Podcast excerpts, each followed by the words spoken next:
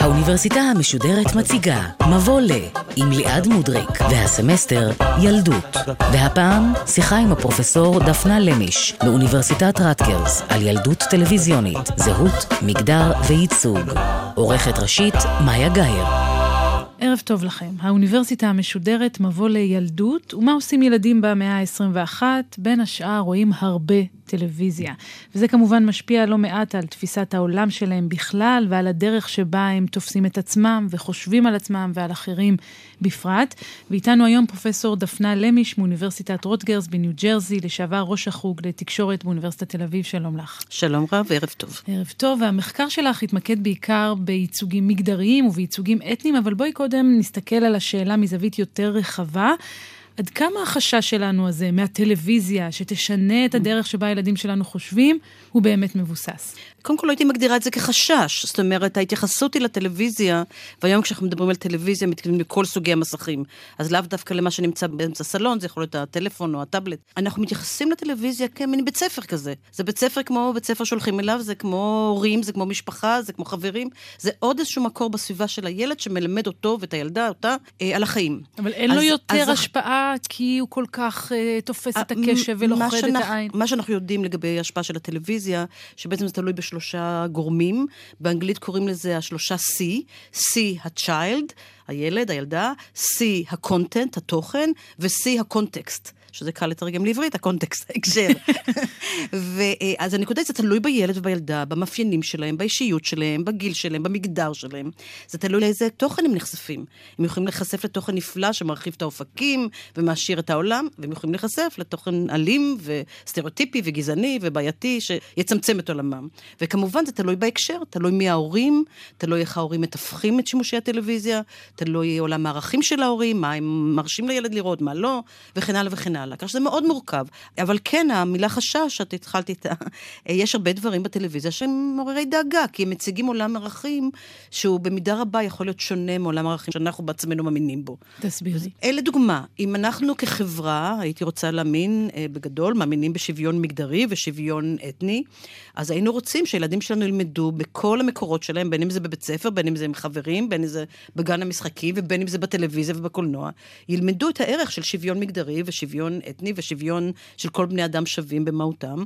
אם הטלוויזיה מראה להם עולמות מאוד מצרים, מאוד סטריאוטיפיים, שבהם אה, נשיות מוגדרת בצורה אחת וגבריות בצורה אחרת, אז אה, היא סוגרת להם אופקים, היא סוגרת להם אפשרויות. במקרה כזה, יש חשש שבאמת הטלוויזיה, שהוא סוכן חברות, תפנה אותם לכיוונים שהם לא רצויים לנו. ולכן אני אומר, ההערה הראשונה החשובה לגבי הורים, מחנכים, זה לא לחשוב על הטלוויזיה כסתם איזה משהו שאנחנו מעבירים את הזמן ואין לזה משמעות, אלא תמיד לחשוב על הטלוויזיה כעוד איזשהו בית ספר, והאם מה שמלמדים במרכאות בבית ספר הזה מתאים לתפיסה שלי האידיאולוגית, הערכית וכולי. אז בואי נתחיל אולי באמת אה, במגדר, אולי עוד לפני שנדבר על הטלוויזיה צריך להגדיר מהי בכלל תפיסה מגדרית, כן. על מה כן. אנחנו מדברות. הנקודה של מגדר היא מאוד חשובה להבחין בינה ובין מין, זאת אומרת, יש הבדלים, ילד, ילדה נולדים, כל אחד עם איברי אה, אה, רבייה אחרים, וזה מגדיר באופן ביולוגי את, את המין שלהם.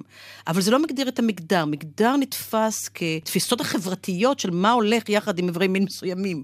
יש ביטוי מאוד ידוע של פילוסופית צרפתית אה, ידועה, סימון דה בובואר, שהיא הגדירה את זה, כן, אישה לא נולדת אישה, היא הופכת לאישה. כלומר, ילדה, תינוקת, לא נולדת נשית.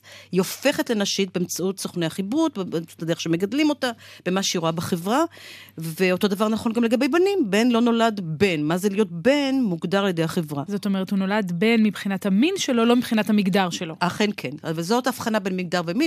מגדר זה התפיסות החברתיות של מה אה, מתאים ל- להיות בן, מה מתאים להיות בת, ההתנהגויות, השאיפות, תכונות האופי, אה, וכן הלאה וכן הלאה. והתהליך שבו אני רוכשת את התפיסה המגדרית שלי הוא תהליך של הבניה חברתית בהכרח? הוא, הוא תהליך של בהחלט הבניה חברתית, בגלל שבבידוד אי אפשר ללמוד את זה. לומדים את זה מחיקוי של אנשים אחרים ששייכים למתו מגדר. אה, לומדים את זה מהחברה מסביב, לומדים את זה מטלוויזיה, מספרים, מקולנוע, ממשחקים, מכל דבר שבו מוצגים לי דימויים של מה זה להיות בת ומה זה להיות בן. מזה אני לומדת מה החברה מצפה ממני בתור בת, מה החברה מצפה ממני בתור בן, מה החברה מצפה ליחסים בינינו. אה, לכן זה נקרא הבניה, אנחנו מבנים את זה בהדרגתיות תוך כדי תהליך החיברות. והטענה שלך בעצם היא שהטלוויזיה משחקת תפקיד משמעותי בהבניה הזאת, בין אם נרצה או לא נרצה. כן, היא, היא מאוד משחקת תפקיד משמעותי, בגלל שכשנחשוב על זה, בנים ובנות, ילדים גדלים עם מגוון מאוד גדול של נשים וגברים בחיים שלהם, אבל בסופו של דבר הוא מצומצם. אז יש אה, דמות אה, הורה מרכזי, ובמקרים רבים שני הורים, יש אחים, אחיות, סבים, סבתות, אה, גננת, מורה וכולי, ואנשים אחרים. בטלוויזיה הם רואים אין סוף.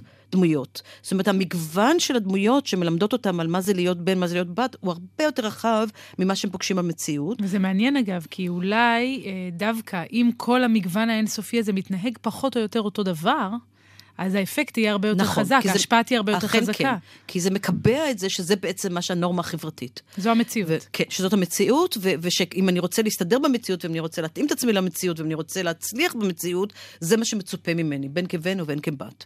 ולכן נורא חשוב באמת לבחון מהם הדימויים האלה בטלוויזיה. זאת אומרת, מה אנחנו יכולים להגיד בגדול על איך מוצגת בת ואיך מוצג בן בטלוויזיה. והמחקר שאתה הזכרת אותו בהתחלה באמת עסק בסוגיה הזאת. ניסינו לראות איך מוצג מבדלים מגדריים בין הטלוויזיה. הישראלית. זה היה חלק מפרויקט בינלאומי, וזאת נקודה מאוד חשובה להדגיש, שזה לא תופעה ישראלית, זו תופעה כלל עולמית. מה שהופך את זה לסוגיה מאוד חשובה, לא רק לנו בישראל, אלא בהקשר העולמי, ובמיוחד לאור העובדה שמשהו כמו 80 אחוז מתוכניות הטלוויזיה שילדים בישראל נחשפים אליהם, הם בכלל לא יצירה ישראלית. זה, זה, זה דברים שנרכשים מחו"ל. אז המחקר היה מחקר של 24 מדינות, ובדקנו ב-24 מדינות, מדגם מייצג של תוכניות טלוויזיה שמשודרות לילדים מגיל שנתיים עד גיל 12 פחות או יותר, וניתחנו אותם באופן מאוד מדוקדק לגבי הבדלים מגדריים, הבדלים אתניים, משפחתיות, אה, נכויות, כל מיני משתנים שונים, אה, ועשינו השוואה. והתופעה, בסך הכל היו כ-25 אלף תוכניות טלוויזיה שנותחו, מדובר על, על שעות ניתוח ענקיות, זה, היה מבצע מאוד גדול. אבל רק כדי שנבין, עוד לפני שנגיע לתוצאות, נבין את המתודולוגיה, את שיטות המחקר, אז בעצם יושבים חוקרים ומנתחים שעות על גבי שעות של סדרות טלוויזיה, והשאלה היא אילו דמויות הן גבריות ואלה נשיות, כן. כמה זמן מסך מקבלת כל דמות. נכון. מה המדדים שלכם? אה, רק לומר שכשאת אומרת מנתחים, יש מה שנקרא קודבוק, אה, ספר קידוד, שבו רשומות השאלות מאוד ספציפית ועונים כן, לא, למשל, האם הבת, אה, יש לה ריסים ארוכים ופה אדום מאוד, של אודם. עד כדי כך. בוודאי, כן. או האם הבת מוצגת כמנהיגה של הקבוצה או כמונהגת. האם היא מאוד אמוציונלית בהתנהגות שלה, או האם היא רציונלית. מה זה, איזה צוות היה לך? צריך לעשות כזה טוב, דבר... ב-24 מדינות היה לנו צוותים שונים. החלק שלי במדגם היה הניתוח של ישראל, אבל אחר כן. כך הניתוח ההשוואתי הבינלאומי, וזה היה מרתק. אבל מה שאפשר לומר, שבגדול מצאנו, קודם כל הדבר האלמנטרי בסיסי זה לספור כמה בנים יש וכמה בנות. והממצא הראשון היה ששני שליש מדמויות בתוכניות טלוויזיה לילדים הם בנים, ושליש הם בנות. אז זה, אם כל המחקר היה אומר רק את זה, זה כבר נכון. נתון מאוד משמעותי. כשאת מסתכלת על העולם החברתי המוצג בטלוויזיה, את משדרת לילדים שהגבריות זה הדומיננטי, זה הרב, ונשיות היא שולית, היא מיעוט. מה שמדהים פה זה שהוא היה נכון בכל העולם. מדהים. ובהבדלים מאוד קטנים בין מדינות. למשל, היית חושבת, אולי באיזה מדינה שכוחת אל, אה, שבה אנחנו יודעים שמעמד האישה נמוך, אנחנו נראה מעט נשים, לעומת זה בסקנדינביה. סקנדינביה, שהיא ידועה, נראה הרבה מאוד נשים.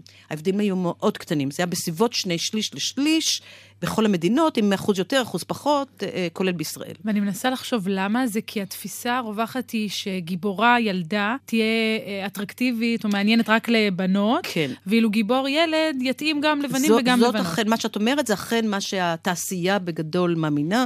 במחקר אחר שעשיתי, ראיינתי 135 מפיקי טלוויזיה לילדים מ-65 מדינות ברחבי העולם, ושמעתי את המנטרה הזאת. זאת אומרת שטוב, ברור שבנים מוכנים לראות רק בנים מובילים, בנות יראו כל דבר. הנקודה שבינתיים יש לנו מספיק דוגמאות שהמנטרה הזאת היא לא נכונה.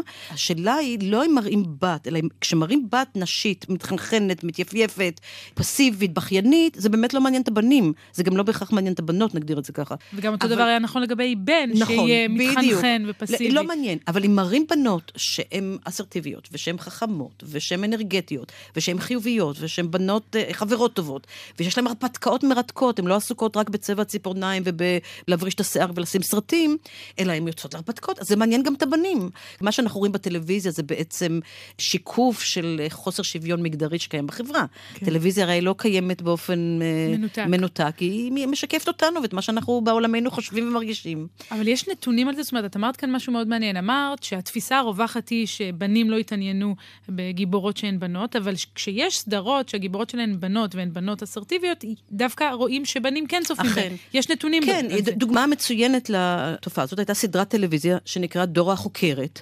היא סדרה אמריקאית שהופקה לרשת ניקולודיון, שבזמנו הייתה, הייתי אומרת, חלוצה בפיתוח תוכניות לילדים שהן הרבה יותר שוויוניות ופתוחות וכולי.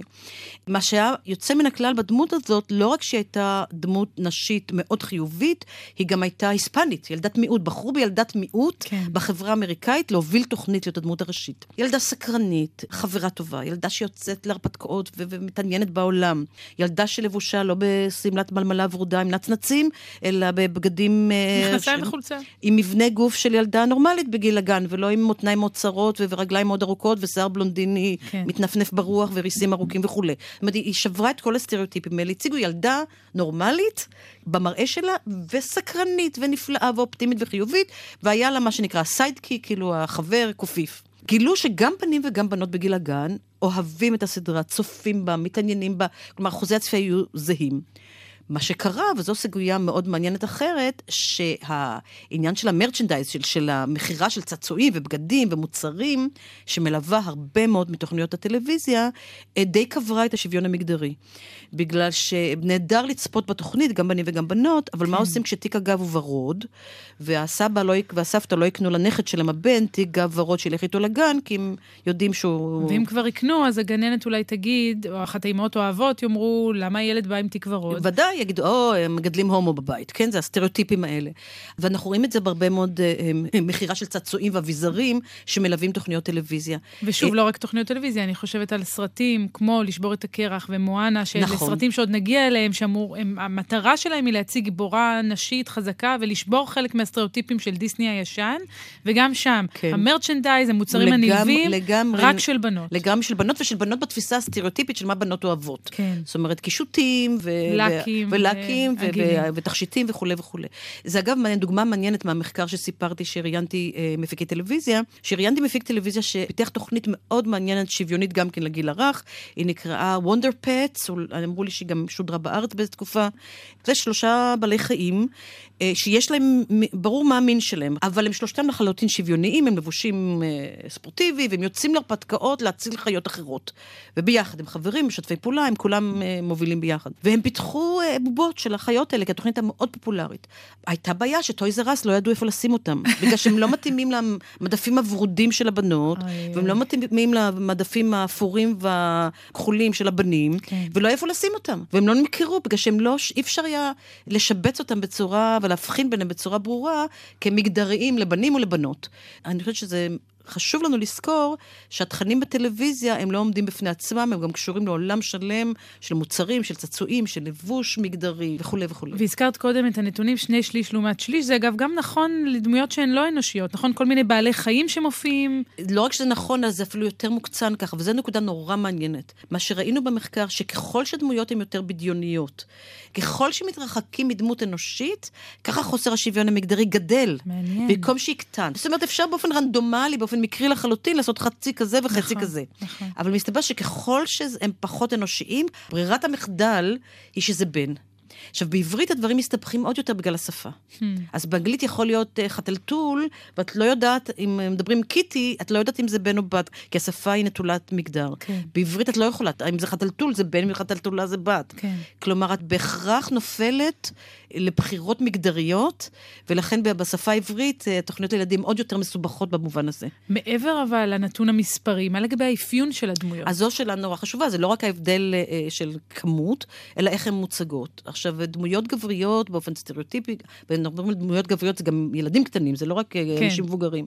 באופן סטריאוטיפי הם מוצגים כיותר רציונליים, כיותר כוחניים, יותר נוטים לאלימות. הם מובילים, הם המנהיגים, לא מתבכיינים, ובגילים הטיפה יותר גדולים, כבר בית ספר, אז הם גם מאוד ככה רודפי בנות, זאת אומרת, העניין המיני מאוד בולט, שחלק מהניצחון, והם כמובן שריריים וחזקים, וקור... והם שולטים בטכנולוגיה, בין אם זה בכלים או במכוניות או ברובוטים, הם שולטים בטכנולוגיה, שולטים בטבע, שולטים בבנות. זאת אומרת, כל מה שהיינו מצפים מהסטריאוטיפים המוכרים על גברים. ממש ככה. והבנות, אה, הסטריאוטיפים הנשים, אז הן אה, דואגות רק להופעה החיצונית שלהן, שום דבר אחר לא מעניין אותן, הן נשפטות רק על פי ההופעה החיצונית, אה, הן לבושות בצורה מאוד כאילו נשית סטריאוטיפית, הן אמוציונליות, הן פחדניות, הן תלותיות, הן מחכות לבן שיעזור להן, הבן כמובן... מסביר להן דברים כשהן לא מבינות, זאת אומרת, הרבה מאוד סטריאוטיפים, והייתי אומרת עוד דבר אחד מאוד חשוב, הבנים מופיעים הרבה מאוד בהקשרים של העולם החיצוני. הם בטבע, הם בהרפתקאות, הם בטכנולוגיה, הבנות מופיעות הרבה מאוד בהקשרים של העולם הפרטי, בין אם זה בבית, אפילו אם הן לא מבשלות וזה, אבל הן נמצאות במרחב הפרטי יותר, במקום מוגן, במקום סגור.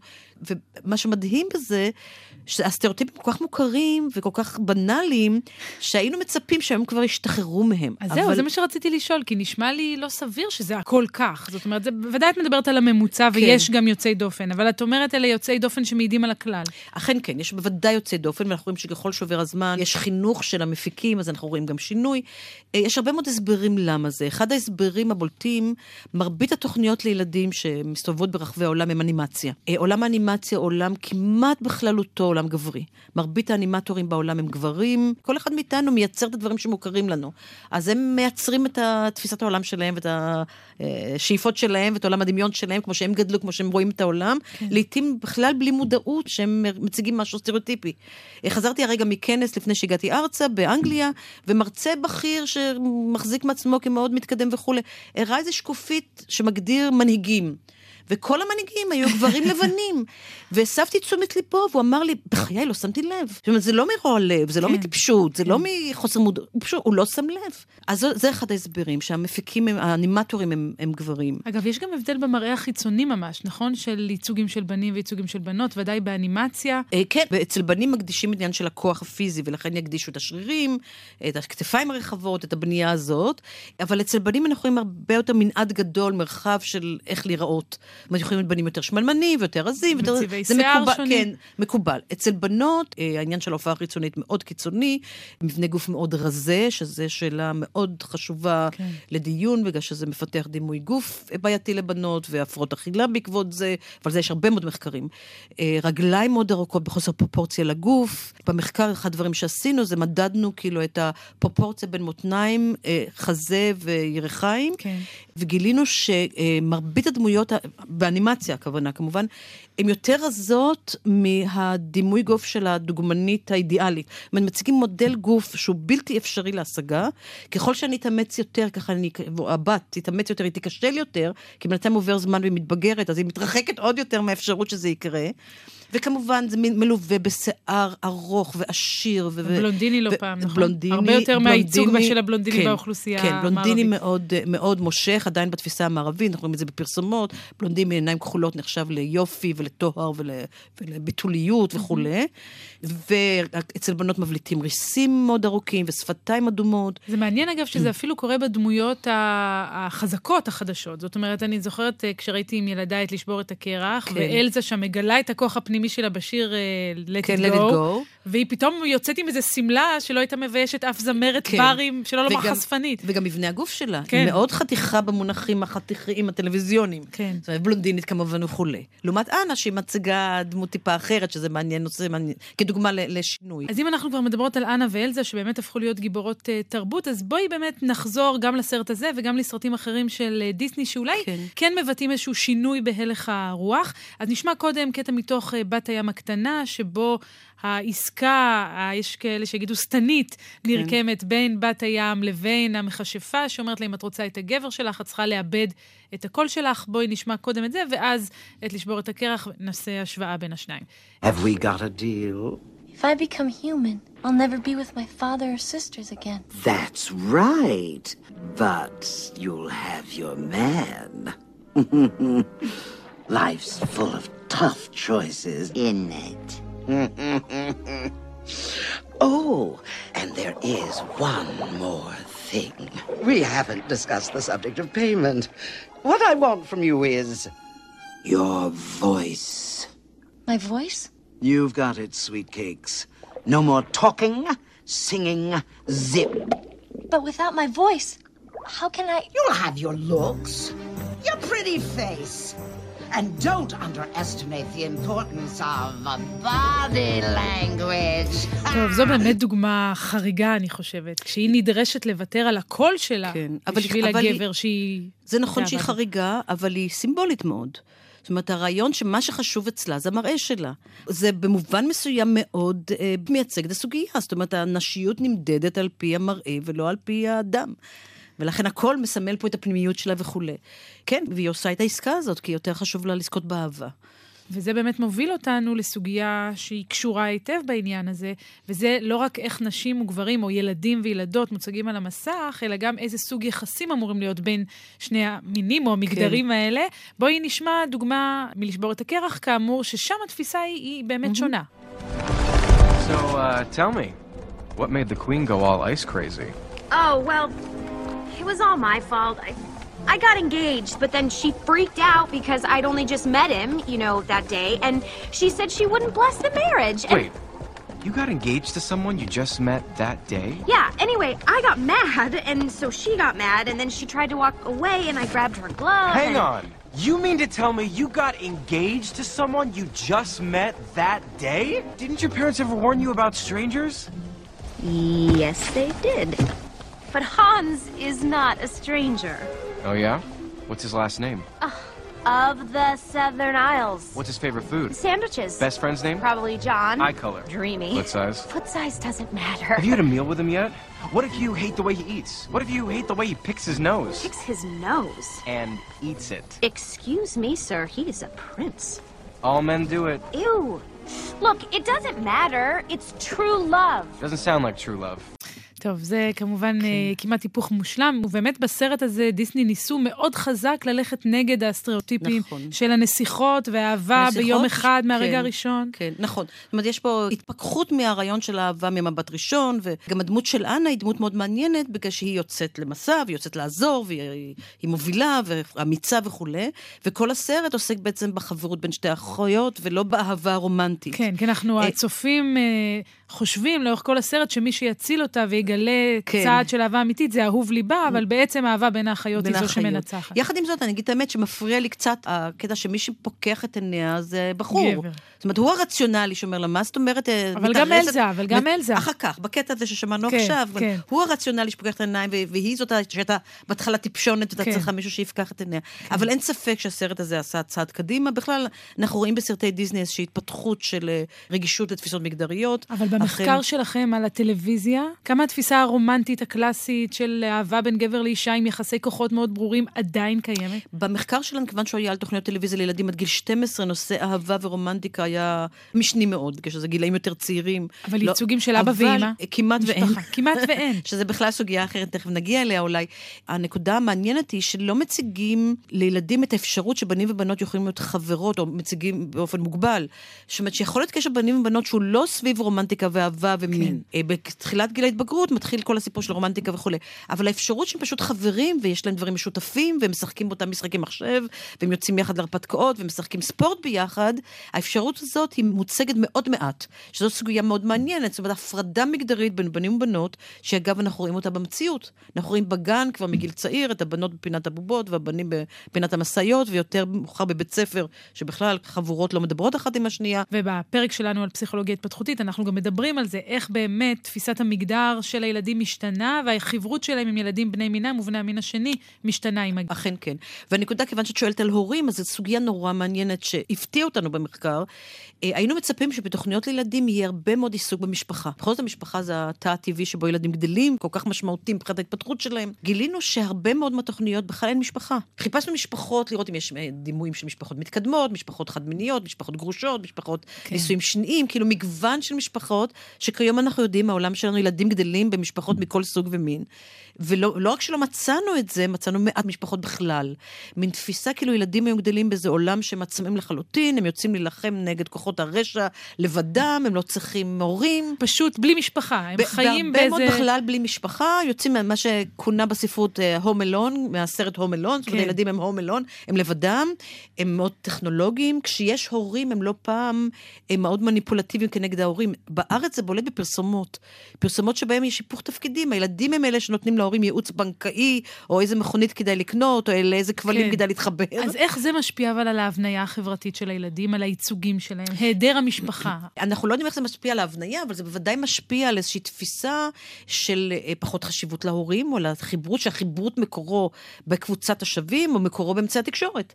אומרת שההורים כאילו יש להם תפקיד יותר, נתפס כפח, כמשני, כשאנחנו יודעים במציאות ובמחקרים הפסיכולוגיים כמה ההורות והמשפחה כן. כן. עדיין הם הדבר הכי חשוב, וגם עם כל המדיה למיניהם, המשפחה היא הדבר המשמעותי ביותר מבחינת היחסים והתפתחות תקינה ובריאה של ילדים.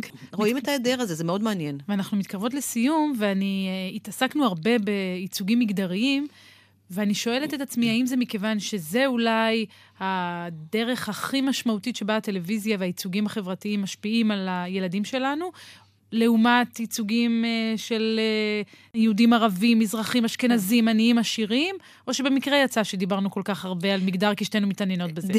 זה 50% מהאוכלוסייה זה בנים ו-50% זה בנות. אז אין ספק שזו החלוקה החברתית הכי דומיננטית, וחוסר השוויון החברתי הכי דומיננטי ברחבי העולם. אבל באותו מחקר שחקרנו מגדר, גם בדקנו הבדלים אתניים, גילינו בכל העולם שהדמות השכיחה זה בן לבן, וכשהבנות הן בעיקר לבנות, יש מעט מאוד אה, דימויים של ילדים מקבוצות מיעוט אחרות. בארץ כמעט ולא היה דימויים של אה, ישראלים ערבים או פלסטינאים, או, או בכלל איזשהו ייצוג למזרח התיכון. וישנה תופעה מעניינת, שכיוון שיש כבר היום מודעות לכך שאי אפשר שהעולם יהיה כולו לבן, אז אנחנו רואים מגמה של מה שנקרא השכמה של הדמויות. זאת אומרת, דמות שיש לה טיפ... טיפה צבע, שאם את תימנית, את תוכלי לראות בתימנית, אם את שחורה, תראי בשחורה, אם את לטינית, תראי בלטינית. כשהמת... בכל העולם. כשה... בכל העולם, כשהמטרה היא די שיווקית. זאת אומרת שזה יתחבר לילדים ברחבי העולם, שאיכשהו יוכלו למצוא את עצמם, בלי שזה מוגדר בדיוק איזה משהו אתני כאן. זאת אומרת, לא מאידיאלים. לא מאידיאלים, אידיאלים כלכליים, עם תוציא של מכירה. כן. כי יש פה איזו תפיסה שלהציג עולם טלוויזיוני, בעיקר באנימציה לילדים, שהוא נטול להקשר תרבותי, כדי שזה יימכר טוב. אז למשל, קוריוז משעשע תמיד, זה שבתוכניות טלוויזיה שמיוצרות בארצות הברית, מראים את המכוניות נוסעות באמצע הכביש, לא בימין ולא בשמאל.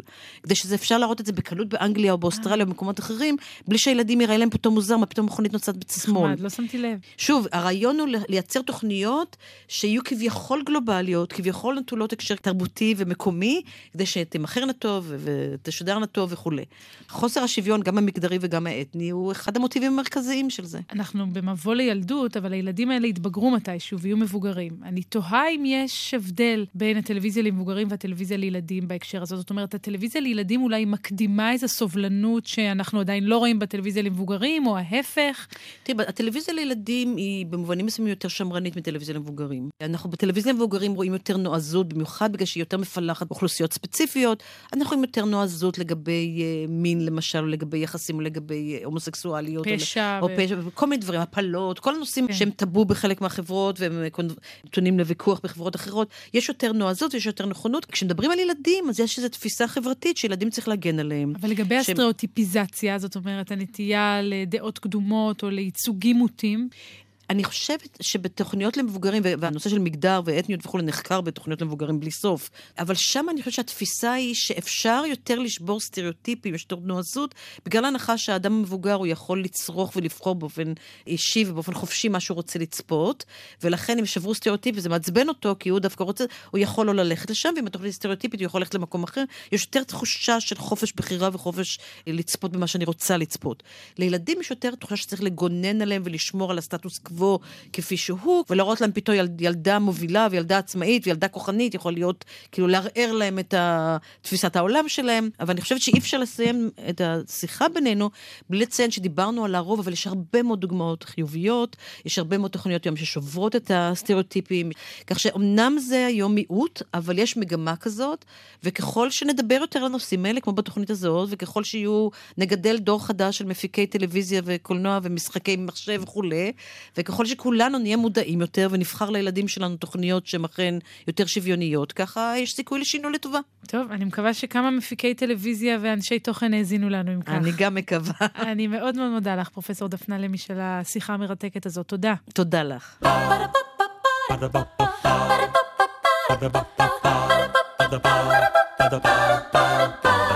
האוניברסיטה המשודרת, מבוא ל. ליעד מודריק, שוחחה עם הפרופסור דפנה למיש מאוניברסיטת רטגרס על ילדות טלוויזיונית, זהות, מגדר וייצוג. עורכת ראשית, מאיה גאייר. עורכות ומפיקות, יובל שילר ותום נשר. עורכת הדיגיטל, נועה שינדלר. האוניברסיטה המשודרת, בכל זמן שתרצו, באתר וביישומון גלי צה"ל ובדף הפייסבוק של האוניברסיטה המשודרת.